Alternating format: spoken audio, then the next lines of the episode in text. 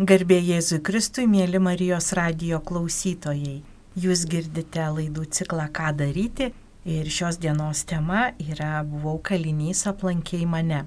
Laidą vedu aš, Fausta Palaimaitė, o su manimi visas būrys entuziastingai nusiteikusių moterų iš hospiso.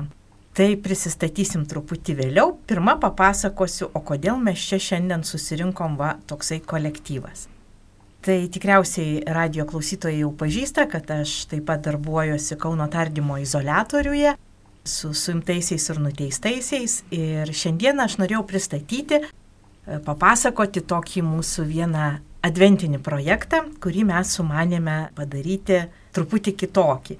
Pernai metais aš kreipiausi žmonės ir paprašiau, kad paruoštų dovanėlės mūsų nuteistiesiem ir suimtiesiem nepilnamečiam Ir buvo labai graži, graži šventė, nes norinčių dovanoti atsirado tris kartus daugiau negu reikėjo, negu norinčių primti dovanas. O šiais metais pagalvojau, kad na, mes norim būti dovana, kodėl visą laiką mum dovanoti. Ir tas toksai užmanimas buvo, kad o gal pabandykim paruošti kažką tai mūsų hospiso, Kauno hospiso klientam.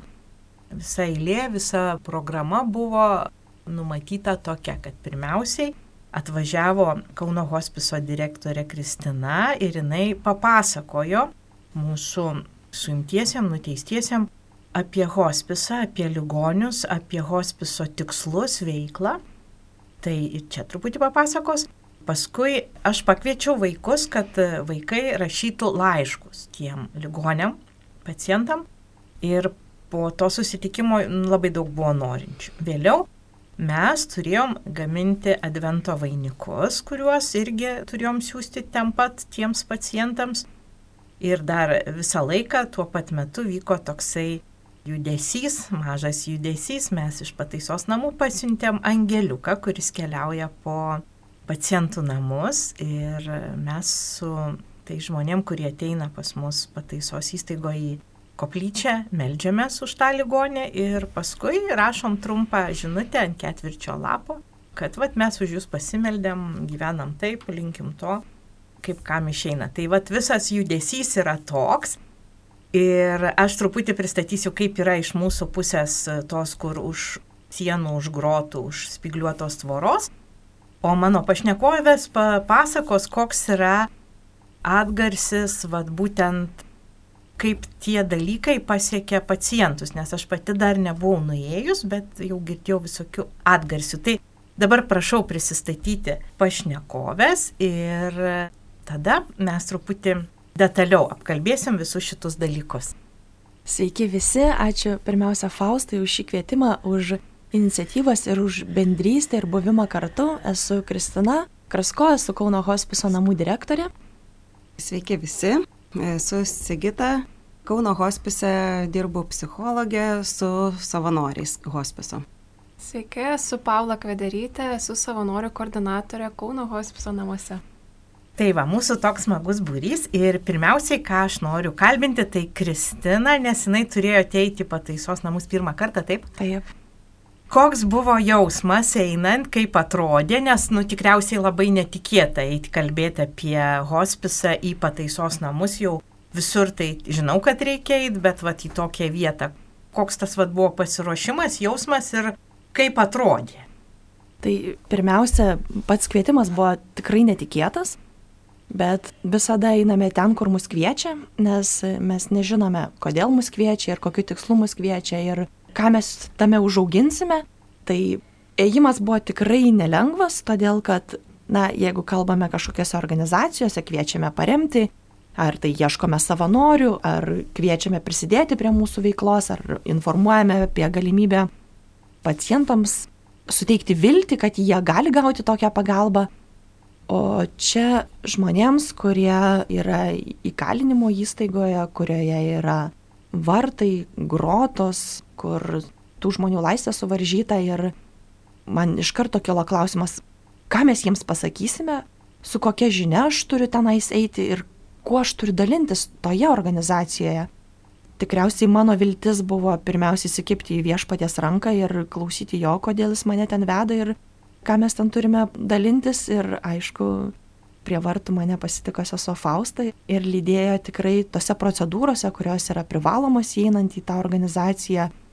Tai ir duomenų apsauga, ir duomenų tikrinimas, ir daiktų konfiskavimas tam, kad įeitumėm be ryšio priemonių, be savo kažkokių asmeninių daiktų, tiesiog tokie, kokie esame, turėdama tik vienintelę sklaidos priemonę, tai yra pristatymo skaidrės, įžengiau į, į tas patalpas ir nejaučiau jokios baimės ar kažkokių tais nusigandimų, tiesiog ėjau, nes žinojau, kad tai yra misija, kurioje reikia dalintis. Ir tikrai pirmutinis tas įspūdis buvo, kuomet tikrai nustebino žmonių gausa susirinkusių klausytis ir tyla besiklausant. Susidomėjimas, akys, kurios žvelgia į, į mane, kuomet dalinausi, iš pat pradžių tikrai jaučiau savyje įtampą, kad, na, ką dar turiu papasakoti, o po to tiesiog pajutau, kad kalbu tai, ką turiu kalbėti ir pristatyti organizaciją man yra didžiulė šventė, todėl kad hospisas yra mano širdyje ir tai, kuo dalinuosi, yra viskas tikra ir Kauno hospiso namai teikia nemokamas paslaugas, palėtyvios pagalbos paslaugas sunkiai sergantiems nebepagydoma lyga mirštantiems pacientams. Ir atvykusi tą įkalinimo įstaigą matai, kad na, žmonės čia irgi yra priboti savęs, yra priboti laisvių, nes ir aš buvau pribota įeinant į tą organizaciją. Tai yra na, suvaržymas ir mūsų pacientai yra lygiai taip pat savo namuose, lygoje. Bet dalinti žinia apie hospisą yra džiugu, todėl kad tuomet atsiveria tų gailestingų žmonių širdis Ir vat, kaip sesuo pristatė ir pasakojo, kad ir rašė laiškus ir pinio vainikus, tai yra dovana ir niekada nežinome, kur mus pakvies ir tie žmonės jau yra pakviesti dalintis. Tai pataisos namuose, po to, kai išėjo Kristina, atėjo auklėtoja, kuri dirba su jaunimu ir jinai sako, tai kada jau jie galės rašyti laiškus? Sako, subėgo bent devyni, sakė, tikrai rašys laiškus. Ir žinot, mūsų vaikinai pataisos namuose, na, iš tiesų jie dažnai rašo laiškus, bet aš paskui prašiau ir suaugusių nuteistųjų va tuos laiškus parašyti ir jie labai sutrikę buvo, sako, o tai ką aš parašysiu žmogui, kuris miršta, ką aš jam parašysiu, būk laimingas ar pasveik, kai jam aišku, kad jisai miršta. Ir kodėl man buvo svarbi šita mintis, šitas užmojas, tai pirmiausiai kad jaunimas galėtų pagalvoti apie lygą ir apie tą vat, mirtį, nes tikrai jau jie daugelis yra susidūrę, kai jų draugai, kad ir jauni draugai, ar tai savanoriškai atima savo gyvybę, ar nuo perdozovimo, ar kažkur tai smurtinė mirti miršta. Daugelis yra jau netekę artimųjų, su kuriais buvo geras ryšys. Ir aš kažkaip norėjau, kad jaunimas pagalvotų vat, ir apie savo tą gyvenimo etapą tokį ir kai jų jiem artimi žmonės vat, bus tokioj būkliai, kai jau bus skirta tik palėtyvi slauga, lyga nebepagydoma, kad jie nebijotų, kad mokėtų atjausti, kažkaip mokėtų būti šalia. Ir tikrai ta reakcija buvo labai šilta, nes vaikai tikrai yra tokie atjaučiantis jie yra pirmas tas patyrimas buvo Angeliuko kelionė. Tiesiog man spontaniškai, Kristinai bekalbant, galvoju, kodėlgi mes čia lauksim dabar tų kalėdų ar čia kažko tai, nes renginys vyko turbūt pačioje lapkričio pradžioj. Kad jau dabar galim kažkaip apie tai daugiau kalbėtis. Ir kiekvieną kartą, kai vaikinukai ateina į koplyčią pas mane, aš papasakoju pas kokį ligonį. Žinau vardą, žinau kiek metų, keletą detalių apie tą žmogų va, ir mes jį traukiam į mūsų maldą. Ir tada būna minutė, kai vaikinai rašo tuos laiškus, laiškučius, žinutės. Tai mane nustebino toks dalykas, kad kažkaip jie nori juos pradžiuginti ir pralinksminti. Ir keturi vaikinukai kartą rašė tas žinutės ir aš tiesiog surinkus lapelius pasižiūrėjau, kartais truputį pataisau klaidas, nes net kartais žodžio neina suprasti, jie taip įpratę. Ir pastebėjau, kad bent trijų pabaigoje yra nupieštos širdelės. Suprantat, vaikinukai, kurie yra pataisos namuose, kurie maždaug apie 20 metų piešia nepažįstamiem, kaip jie sako, močiutėm ar dėdukam širdelės. Nes neužtenka žodžių išreikšti va, tą atjautą, kaip jiem gaila, kad jie nieko negali daugiau padaryti, tik va, pasimelsti ir parašyti tokią žinutę. Ir man pačiai labai, nu, va, tie sustikimai tokie jautrus ir aš taip pat dirbu ir su suaugusiais suimtaisiais. Ir suaugę suimtie atsisako rašyti, mes kartu pasimeldžiam, jie sako, nežinau, ką rašyti, negaliu, negaliu, nesuprantu, ką rašyti. Ką aš jam rašysiu, linkiu geros mirties. Vienas net sako, nu aš galiu parašyti, kad mes ten, žodžiu, einam visi ten, bet sako, nu kažkaip ne. Tai va kažkaip jaunimui jie tiek daug nesigilina ir žodžiu, tokie gražūs kvietimai, nusišypsokit, jeigu šiandien pasimelsit, aš tikiu šimta procentų, kad jūsų savijauta pagerės ir išlys šypsena iš jūsų veido. Tai va tokia keista bendrystė su žmonėm, kurių jie nematė.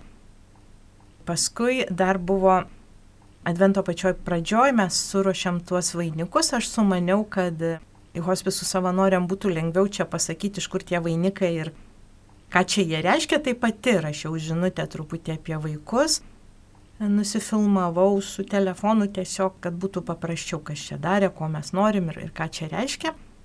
Kartu ten keliavo tie turbūt aštuoni laiškai, kuriuos vaikinai parašė.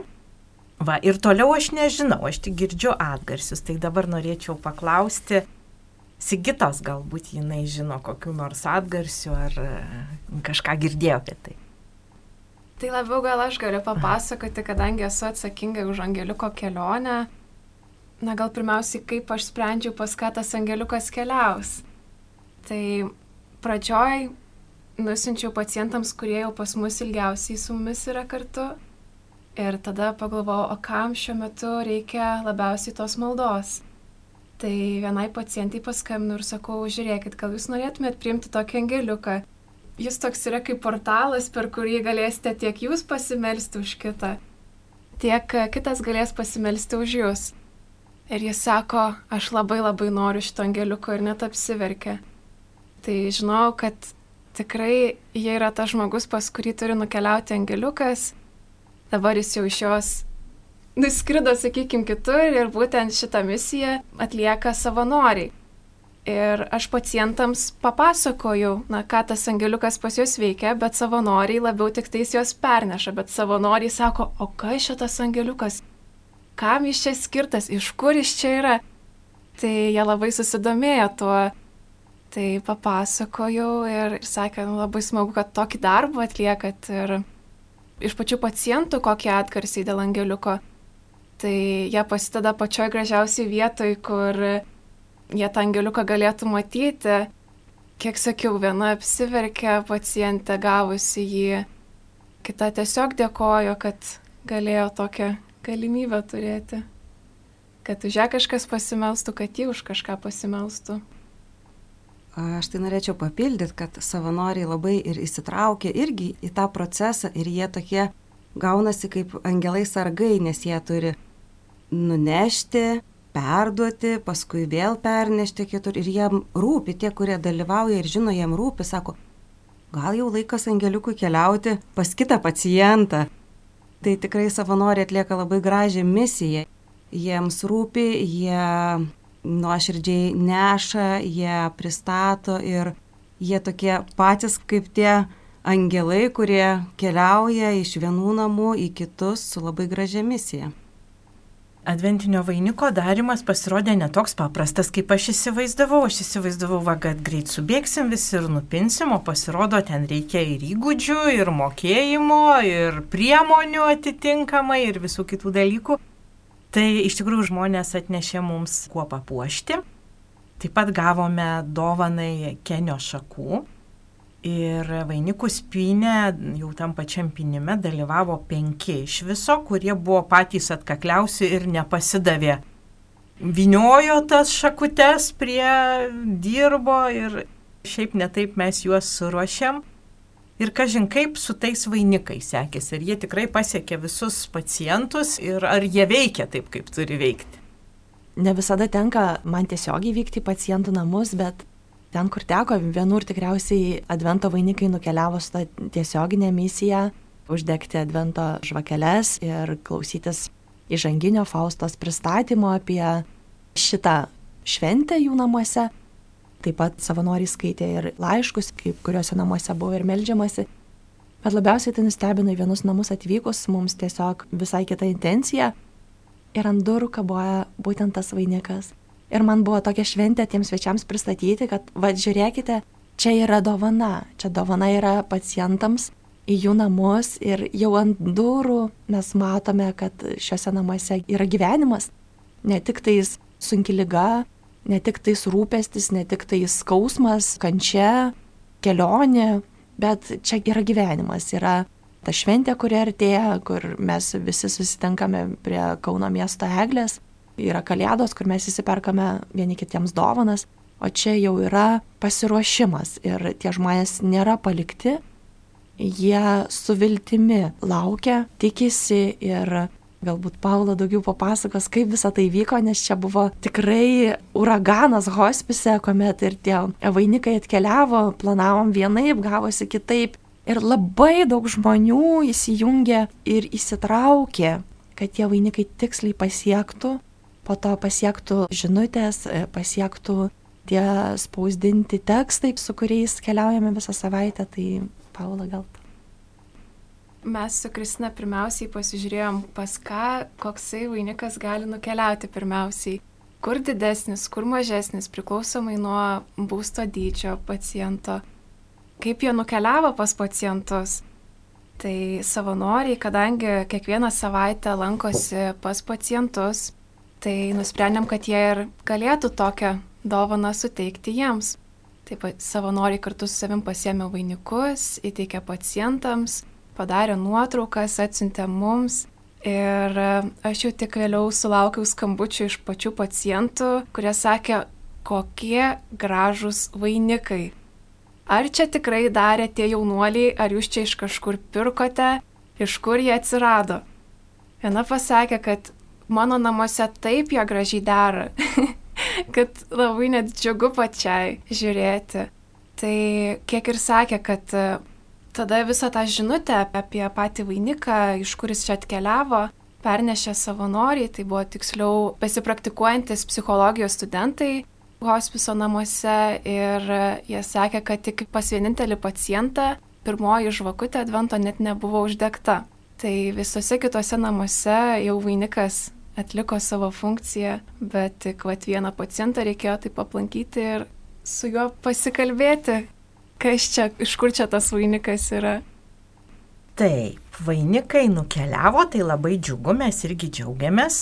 Tikrai e, man įstaigoje tai padėjo dar ir darbuotojai labai susidomėję, kaip čia reiks padaryti, nes aš ir pati ten nelabai daug dienų dirbu, turim daug, daug visokių užsiemimų, aš įsivaizduoju, kad mes dirbsim keletą dienų, bet Edita, mūsų bibliotekininkė, tai tiesiog skyrė visą savo rytą ir kartu mes ten dirbom, puošiam, su vaikais dėliojom, sukom, viniojom ir labai greitai juos padarėm. Ir labai greitai juos pasiemė. Tai mums buvo džiugu, nes paskui buvom vienu metu net išsigandę, kad nepavyks, nes nenorėjom daryti šeglės šakų, nes labai greitai nubyra ir tada yra nesmagu daug šiukšlių. O kenis tai labai brangusgi, Jeigu pirkt mums reikės, juk nuteistieji tai neperka įstaiga, negali padaryti viešųjų pirkimų per vieną dieną ar ten per savaitę, kad kenį nupirktų. Tai iš tikrųjų mums ir patiems buvo va, ta, ta prasme, kad va, jeigu mes tengiamės daryti, tai tikrai ateina ta pagalba iš visų pusių. Ir toliau paskutinis turbūt jau dalykas, kuris mums liko, tai vaikų laiškai. Tai aš jau gavau du laiškus atsakymų į sudovanėlę mažą Kai kurie vaikai ruošiasi irgi dar parašyti, nes tikrai, kadangi sirgau dabar paskutiniu metu ir lankausi retokai, papasakot, padrasinti, pamotivuoti nebuvo kaip. Tai tie žmonės, kurie rašė pas mus, jie sakė, taigi labai gerai, va sako, atsisėdi, įsivaizduoji kažką tai, rašai žmogui ir eina laikas greičiau ir diena šviesi, nes taigi šviesės mintis galvoj Aš tikrai tų laiškų neperskaičiau, nežinau, kas ten yra jų viduje, ką parašė, tik tai vienintelį laiškelį, kurį gavau, kurį rašė berniukas, aš jį perskaičiau. Nes berniukas, na, jisai pagal adaptuotą programą mokinasi ir net į mokyklą nelabai eina ten, nes ta programa netinka jam kartu dirbti. Ir jisai buvo tikras, kad jisai nerašys, bet jam bedarant pačiam tuos vainikus, noras kilo kažkaip, nu bent kažkam, nors vienam žmogui kažką, tai va, ne tik va tą vainiką, kad jis ten dėliojo tuos papuošimus, klyjavo kartu, suko ten dažė, bet ir pačiam parašyti. Mane irgi eilinį kartą nustebino, nustebino vaikinai, nes šitas vaikinas jisai augęs yra vaikų namuose, jo mama priklausoma nuo alkoholio, iš jos atimtos teisės, motinystės. Iš tikrųjų, tas vaikas yra niekam nereikalingas. Nėra nei vieno žmogaus, kuriam jis tikrai rūpėtų. Ir taip pat globos įstaigoje tikrai labai ten kažkaip aplaidžiai, tiem vaikam net siunčiami rūbai, kai pasikeičia sezonas. Ir tie jų pinigėliai, kur jie turi gauti, kad nusipirktų, kad ir hygienos priemonės, jie neteina laiku. Tai aš kartą jo klausiu, ar, ar tu skambini kam nors, sako, skambinu. Ar kalbi? Kalbu. O kaip kalbi? Berniukas pasakoja, kad kai jisai kartais nori pasikalbėti su mama, paskambina ir sako, jinai kartais liežuvio neapverčia, būna neblaivi, tai tada aš nekalbu, sako. Dar yra dėdė, jam kartais paskambinu, bet dažniausiai tai jisai net ragelio nepakelia. Toks yra jo gyvenimas, Ir žinot, jisai kai rašė, jisai rašė, jum patinka saldainiai ir man patinka saldainiai ir išvardino, kokie jam patinka saldainiai. Tada jis rašo, jum patinka gamta ir man gamta patinka. Kartą aš su tėčiu jau pasivaikščioti ir mes matėm stirną. Bet labiausiai man patinka lapės. Labai džiaugiuosi, kad jumis rūpinasi hospiso savanoriai. Ir žinant apie tą vaiką, šitos eilutės visai kitokios tampa, nes jis su tuo tėčiu ėjo tikriausiai, kai jam buvo, na, labai nedaug metų, nes jis jau daug metų yra globos namuose. Ir tas žodis, kad džiaugiuosi, kad jumis rūpinasi, iš tiesų turi tą, vat, o kad juo taip jau nelabai kas čia iš viso rūpinasi, mūsų įstaigos tik tai darbuotojai, kurioje jis dabar yra. Bet šiaip kai jam reiks išeiti laisvę, tai nežinia, ar bus kas jį priima, pasitinka. Bet tame nebuvo jokio liūdėsio, jokio nusiskundimo, jis tiesiog iš, išsakė savo mintis ir tikriausiai tam žmogui, kuris skaitys tą laišką, jis, nu, atrodys paprastutis, nieko neipatingas, tačiau man pačiai jis yra labai ypatingas ir jame yra labai daug nuoširdumo, tiek, kiek galbūt net man nepavyktų parašyti tokių vat, dalykų, žmogui, kurio net nepažįsti. Tai nežinau, kaip ten tikriausiai irgi buvo kažkokių tai atgarsių į tuos laiškus ir kažką tai žinot, kaip atsirado tie atsakymai. Aš gal irgi noriu trupučiuką dar apie tą rašymo galę tikriausiai papasakoti, kadangi kiekvienas Kauno hospiso namų savanoris išvykęs iš paciento namų per 24 valandas turi parašyti pasidalinimą, kaip jiems sekėsi, ką jisai nuveikė, ką jisai sutiko, kokias paslaugas jis atliko. Ir kiekvieną kartą mes lygiai taip pat matome, kuo gyvena tie žmonės, su kokiu išgyvenimu jie išeina iš to paciento namų, ką jie atliko.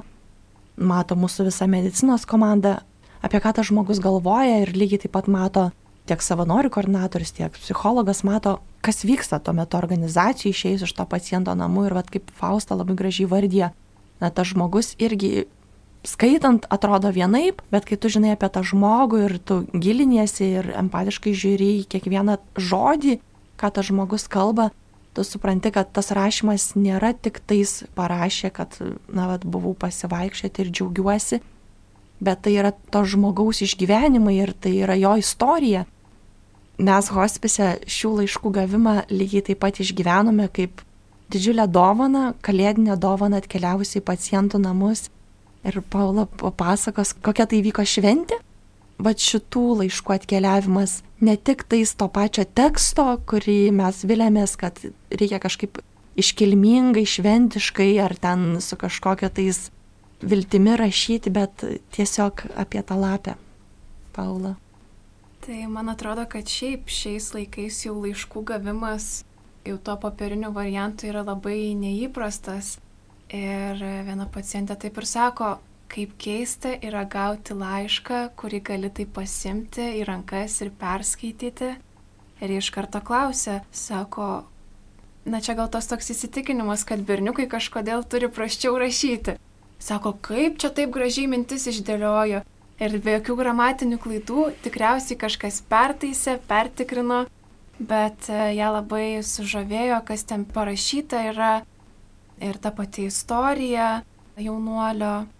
Aišku, jis su manim nesidalino, kas ten buvo parašyta, bet sakė, kad ją tai ir sugrūdino ir jie jam norėjo parašyti atsakymą. Tai ir padarė ir taip pat buvo toks svarstymas, o ką čia dar tokio pridėti. Aš noriu kažkaip nustebinti. Sako, gal galiu įdėti kokį nors egzotinių vaisių. Sako, kas jeigu suges iki kol atkeliaus. tai tada sako, na gerai, kažką kito. Tai nusprendė padovanoti šakoti. Tai tikiuosi, kad nustebins ne tik tą jaunuolį, jis pasidalins gal ir su kitais. Tai į laiškus atsakė dar keli pacientai. Vieno jau irgi pas jis atkeliavo.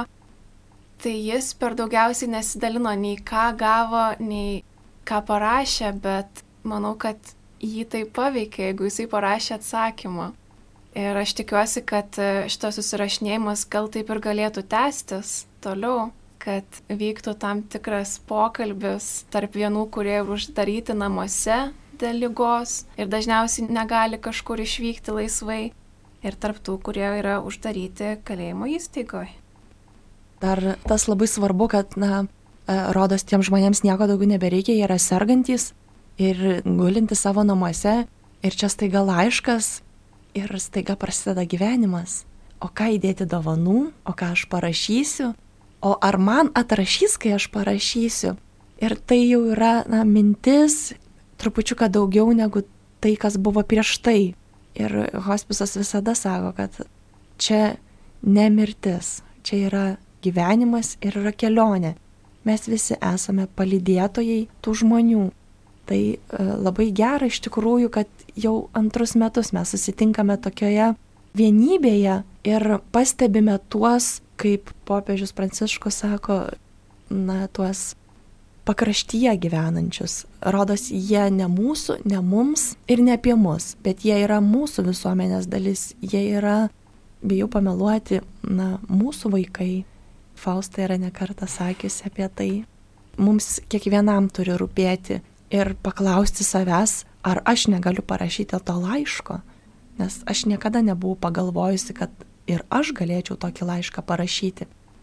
Ir aš norėčiau papildyti, kad tikrai ta rašymo galia, jinai tokia galinga yra ir turbūt rašyti nepažįstamam kažkam, ko nepažįsti, tai turi dar didesnę galę, nes tikrai tu gali daug atviriau parašyti kažką, nes tu nežinai, neturi iš ankstinių nuostatų apie tą žmogų, ką jisai apie tave pagalvos, kaip jisai nuspręs, tu tiesiog gali nuoširdžiai iš širdies rašyti ir man atrodo, Tai tikrai tokia graži misija, kas vyksta, kad ir tie vaikai už tų grotų, jie tampa savotiškai savanoriais, nes jie irgi pildo kažkokią misiją, kuri tiesiog nėra kažkaip ar atlygintina, ar jie už tai kažką gauna, jie tiesiog gauna kažkokius vidinius dalykus, tuo pačiu save atskleisdami, save įprasmindami man tai kažkaip labai gražu, kažkaip viskas siejas ir ta savanorystė hospiso savanorių, nes jie lygiai taip pat eina pas pacientus ir jie nepažįsta jų. Tai nėra tie žmonės, kuriuos lanko pastoviai metus, kiekvieną dieną tos pačius. Jie eina su tokia pačia misija, kur jie kiekvieną kartą eina pas nepažįstamą žmogų, jie nežino, ką jie pamatys, su kuo jiem teks bendrauti, ką jie galės pasakyti, nes dažnai savanoriai sako, ašgi nežinau, kas jam įdomu, kas jam patinka, ko jisai nemėgsta ir aš turiu kažkaip tai atrasti tą kelią į to paciento širdį, į tą bendrystę, į bendravimą. Man atrodo, kad tikrai tiek vaikai įkalinimo įstaigoje, tiek mūsų savanoriai turi labai panašią misiją užmėgsti ryšį, nutiesti tiltą su žmonėm, kurių nepažįsta ir jie turi tikrai ir jaudulio, ir nerimo, ką pasakyti, ką jie sutiks, bet tuo pačiu jie iš to ir gauna kažką, nes jie sutinka nepažįstamus atvirus žmonės, su kuriais yra užmesgamas ryšys, tiltas. ir vieni kitiem kažką gali duoti. Man pačiai, kas yra labai svarbu, tai kiekvieno to veiksmo, kiekvieno to užmojo kokybė, nes daug kur dalykai vyksta padaryti, kad padaryti. Ir aš net pastebiu, kad tikintieji sako, nu čia kažkokį darbą reikia padaryti, gerą darbą, kalėdų progą, kad man pačiam būtų gerai. O ar jis naudingas, ar jisai prasmingas, ar jisai pasieks tą žmogų, kuriam labiausiai reikia, neretai net nekeliama šitas klausimas arba dar kitai būna, kad žmogus bando padaryti gerą darbą, bet nežino, kur jį daryti, tai susiduria su kažkokiu priešiškumu, kritika ar pamato, kad piknaudžiaujama jo gerumu ir tada iš viso liaujasi kažką tai gerą daręs. Tai kas man visada yra svarbu sielovadoj pataisos namuose, kad jeigu mes jau nusprendėm kažkokį tai judesi daryti, tai kad jis būtų išbaigtas iki galo ir kad tie žmonės, kurie darė, kad jie gautų grįžtamą į ryšį, kad jie žinotų, kad jų darbas pasiekė. Kad tuos vainikus nenuvežėm į turgelį, nepardavėm ir nenusipirkom kažką tai, bet kad tikrai pasiekė ligonius kad tie laiškai nebuvo sumesti konteinerį ar kažkaip patikrinti, kad šitas tinka, šitas netinka, bet kad jie tikrai nukeliavo. Ir kartais būna keblumų, va tą grįžtamą ryšį kažkaip jį parodyti, pavaizduoti, nes pavyzdžiui, kai buvo paveikslų paroda, vaikinai, kuriuos tapė, tai aš ieškojau ir radau savanorių, kuris tiesiog nufilmavo visą renginį, kad aš galėčiau parodyti, kaip buvo kiek žmonių susirinko, kaip žmonės žiūrėjo, kas kalbėjo, kas dainavo, kas grojo. Ir renginys buvo labai ilgas, jie neturėjo tiek kantrybės žiūrėti, bet jie tikrai žinojo, kad tie jų paveikslai nestovi kažkur tai sukišti, kad jie keliauja. Ir taip, va, aš manau, kad kai mes norim kažkaip tai tą bendrystę puoselėti, tikrai yra labai atsakinga prisimti atsakomybę vat, už tuos kažkokius žingsnius, kad darysim taip, bet ir padaryti iki galo. Ir už ką aš esu labai dėkinga Kristina ir, ir visiems hospiso darbuotojams ir savanoriam, kad aš nuo pat pradžių galėjau būti tikra ir esu dabar tikra, kad tai įvyks, kad tas užmojas, kiek iš mūsų padarytas, jis tikrai iki galo, kaip gali geriausiai pasieks tuos žmonės ir atliks tą savo darbą. Ir dabar dar vyksta toks dalykas, Mes planavom dar kalėdų progą, kad būtų ir atvirutės ir sveikinimai ir norėjom padaryti žaisliukus. Tai dabar jau suaugę vyrai, kurie yra suimti, laukia teismo sprendimo. Tai daugybėje kamerų suka rutuliukus ir daro kvilingo žaisliukus, kuriuos klyjuoja prie atviručių. Aš po dviejų savaičių nuėjau įstaigą, nueinu į biblioteką ir visa biblioteka pridėliota tų atviručių, nes kol jie suprato, kol jiem atėjo tas, ką čia reikia daryti ir žinot, kas yra nuostabiausiai. Šiaip, na, žinokit, sunku labai įsivaizduoti, ką reiškia, kai tu neturi telefono, tu neturi mėgstamų daiktų, tu neturi galimybės išeiti. Kiek yra baisus tas potyris tos laisvės apribojimo. Ir kai sergi galbūt, kai sergi, sakykime, va aš sirgau, tai visą savaitę mielų norų gulėjau lovo ir net skaityti jėgų nebuvo. Tai yra vienai, bet kai yra žmonės pilni jėgų, pilni energijos, kai jie turi savo vaikus, šeimas, kai jie turi daug mėgstamų visokių užsiemimų, Ir dėl savo klaidos, dėl savo poelgio arba dėl savo tikrai piktavališko poelgio, kai vat jiem ta laisvė suvaržoma, kokia yra sunki reakcija, nenuspėjama ir, ir tos pykčio, agresijos, nevilties. Ir staiga užeini pas tuos vyrus ir jų kaip vaikų akį žyba, jie su kartuliukus, nuostabiausiai sudėlioja spalvas ir klausia, ar gerai? Šitas tiks? Ir vieną kartą aš pasimiau, e, jau jie ten labai ilgai prašė, nes mes kol radom, įsiaiškinom, čia kokius klyjus galima, žirklių negalima, kaip susmulkinti, kaip supjaustyti, kaip daryti. Užtruko truputį, aš pasimu keturis vyrus, jie pirmą kartą visi daro tuos rutuliukus, žaisliukus. Ir vienas vyras, nu, birštai tokie dideli, jisai statybose gal dirbęs. Ir jisai taip kruopščiai suka ir paskui padeda juostelę iš šono, suka iš naujo. Kas atsitiko? Sako, šita netobulai susukta ir jis tą žaisliuką daro ir sako, kaip gerai būtų, jeigu būtų dukrytė, tai va ir dukrytę pamokyčiau daryti. Tenai dirbo maždaug pusantros valandos, kol padarėm po žaisliuką kiekvienas. Ir jis per tą valandą, aš nežinau, kiek kartų jisai pasakė apie dukrytę. Ir sako, paskui jeigu jūs man leisite, tai aš norėčiau ir, ir savo vieną pasidaryti ir dukrytėjai nusiųsti. Paskui jau, kai pabaigė, va, sako, koks gražus gavosi, nu tikrai mano dukrytėjai labai patiktų, tai aišku, aš neištvėriau ir sakiau, žinai, šitą tu nusiūs dukrytėjai. kas yra gražiausiai, tai kad tie vyrai, jie visai pasikeičia, užsimdami, vat, nu, tokiais rankdarbiais, kur sakytume, nu, čia gal vaikiška, gal moteriška, gal kažkaip tai. Jų akis ima spindėti, jų kalba pasikeičia, jie prisimena žaismingus dalykus, jie tampa labiau draugiški tarpusavį, jeigu daugiau negu vienas dirba. Ir tie, kur negali kameroje dirbti, nes kiti gal nenusiteikia ten žiūrėti ar ten tos vietos nelabai daug, labai prašo, kad galėtų va tą valandą praleisti, sako, tai nuostabi valanda, kai užmiršti, kur tu esi ir ką tu veiki.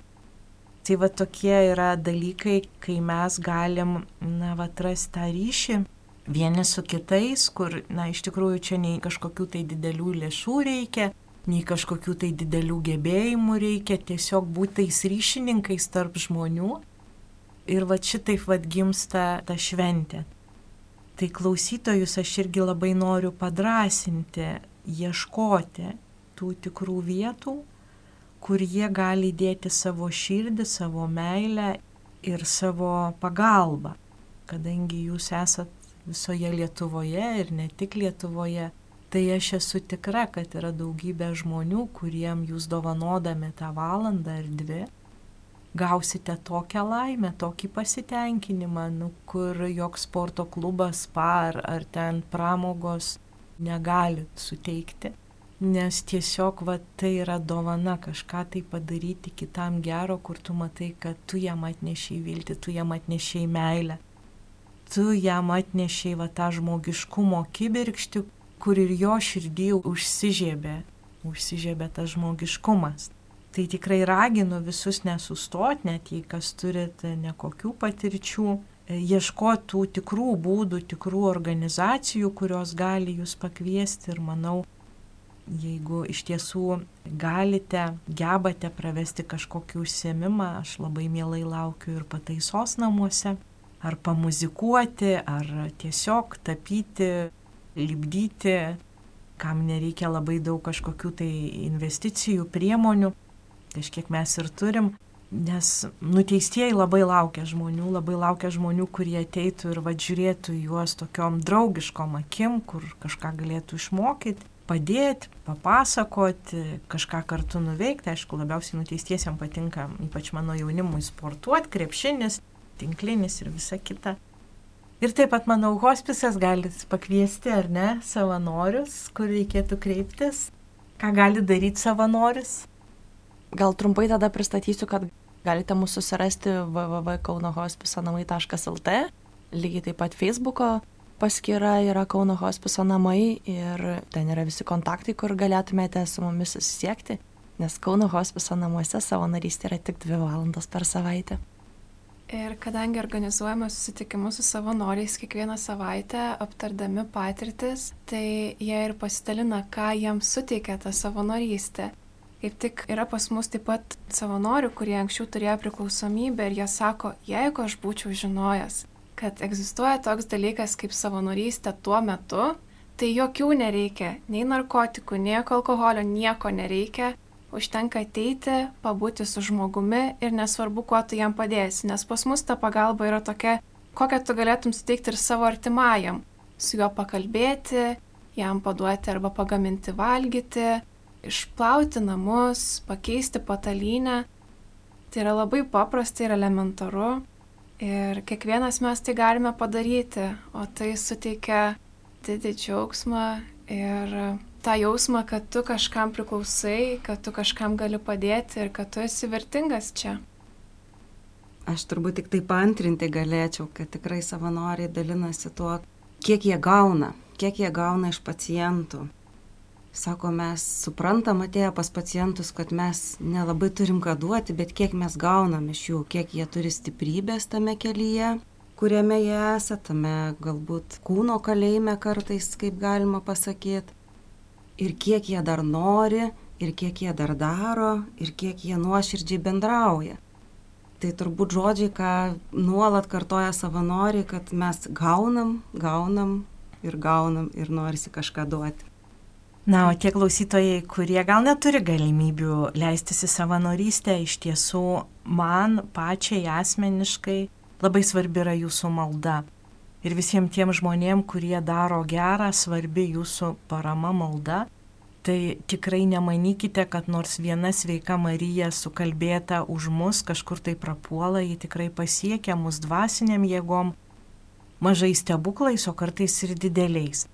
Dėkoju, kad esate kartu, keliaukime toliau link Kristaus gimimo švenčių, visiems linkime patirti tą meilę ir ją dalinti su tais, kurie yra ir arti, ir toliau, ir labai toli, nes Dievui nėra negalimų dalykų.